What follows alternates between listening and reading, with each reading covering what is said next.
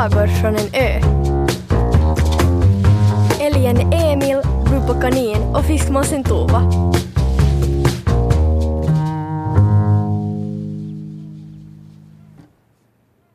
Fiskmåsen Tova hade fått en vän. Och inte vem som helst. För fiskmåsen Loke hade kommit flygande ända från soluppgångens land. Och lika röd och blossande som den uppgående solen var deras känslor för varandra.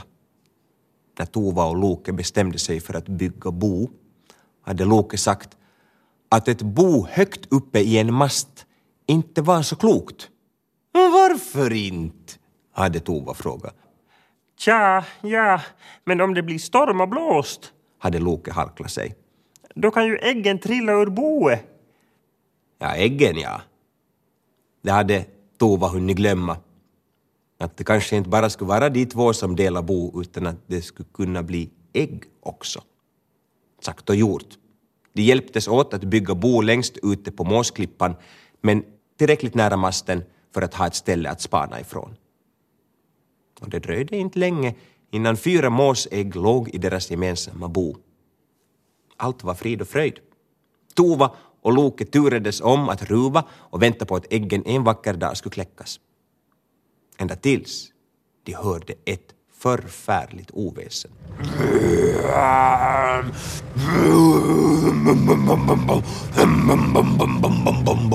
Lät det från havet. Kia, kia! Skrek Loke. Kna, kna, kna, svarade kråkan Kulla från skogen. Kata katastrof! skrena Tova och kastade sig nervöst upp i luften för att se vad som hände. Älgen Emil lyfte sin tunga krona och lunkade genom lingonriset. Han stannade vid skogsbrynet och blickade ut mot havet och sa ”Vilket fasansfullt oväsen!” Tova hade nu flugit upp i masten och stirrat ömsamt mot vattnet, ömsamt mot måsklippan med uppspärrade ögon. Det vita vidundret ute på havet kom närmare. Det störtade fram över vågorna och verkar vara på väg rakt mot måsklippan. Älsknaren en bålgeting, konstaterar kråkan Kulla till Emil. Och visst hade hon rätt. Det vita vidundret dundrade fram på den annars så lugna fjärden utanför Klövholmen. Dess plastiga näbb klöv havet i tu. Vattnet runt vidundret skumma och fräste. Varken Emil eller de andra djuren hade sett något liknande. Formen påminde visserligen om en båt, men där slutar likheten med båtar.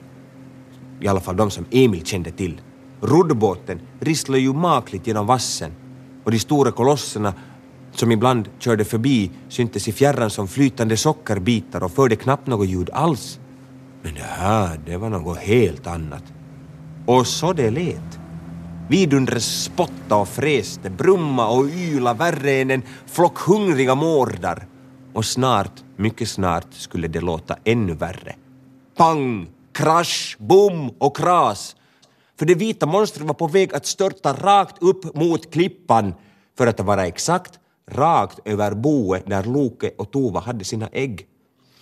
Klia, klia, attack, attack, attack, attack! Skrek Loke. Tova flaxade uppe i masten och skrev efter hjälp. Kom, kom, kom, nu! Om de inte fick hjälp skulle deras ägg, deras blivande dunungar snart, mycket snart krossas till omelett. Nu var vidundret bara någon meter från klippan, rasade fram, närmare och närmare. Kråkan Kulla svepte vingen över sina små. De pep och sträckte på sina kråkfötter för att få en skymt av händelsen där ute. Älgen Emil spärrade upp näsborrarna och fnös kraftigt. Men precis då Kulla gömde näbben i sin vinge svängde vidundret tvärt åt vänster med ett fasligt vrål. Svallvågor sköljde upp över berget. Bara ett vasst strå från Tova. Boet fuktades runt kanterna men tack och lov undgick äggen kallduschen. Nej, vet ni vad? Det var det fräckaste, mullrade Emil. Sådana där borde förbjudas eller åtminstone uppfostras ordentligt innan de släpps ut på havet. Inga sjövet, instämde Kulla. Faren över, tack och lov, sa Emil. Men riktigt över var det inte. För nu gjorde det vita vidundret en lov ute på fjärden och tog ny sats mot klippan. Klia, klicka! Loke skrena i högan sky. Men det var som om vidundret varken hörde eller brydde sig.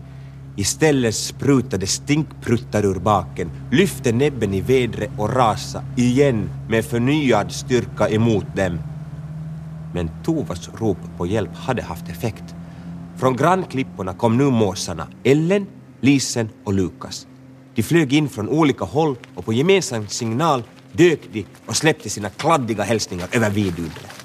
Kaka, kaka! skrek Lukas. Full träff! instämde Ellen. Men då hördes över fjärden ett helt annat rop. Pappa! Stäng av motorn! Det var en gäll och mycket bestämd flickröst som hördes in ifrån monstermagen.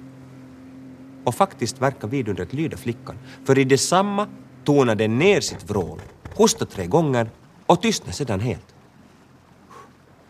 Vågorna skvalpade ännu skrämt runt det vita skalet. Då båten var stilla och bara guppade från sida till sida liknade den ett jättelikt äggskal. Måsarna har ju bo, sa flickan och pekade mot måsklippan. Och bredvid flickan dök ett större huvud upp. Ett pappahuvud med rufsigt hår och blå skepparmössa. Mössan hade vitt måstänk på skärmen. Det var det, skrattade Lukas. Bredde stolt ut sina vingar innan han flög tillbaka till sitt bo.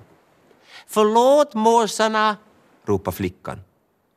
Det vita vidundret mullrade igång igen, men lät nu betydligt mindre och sävligare.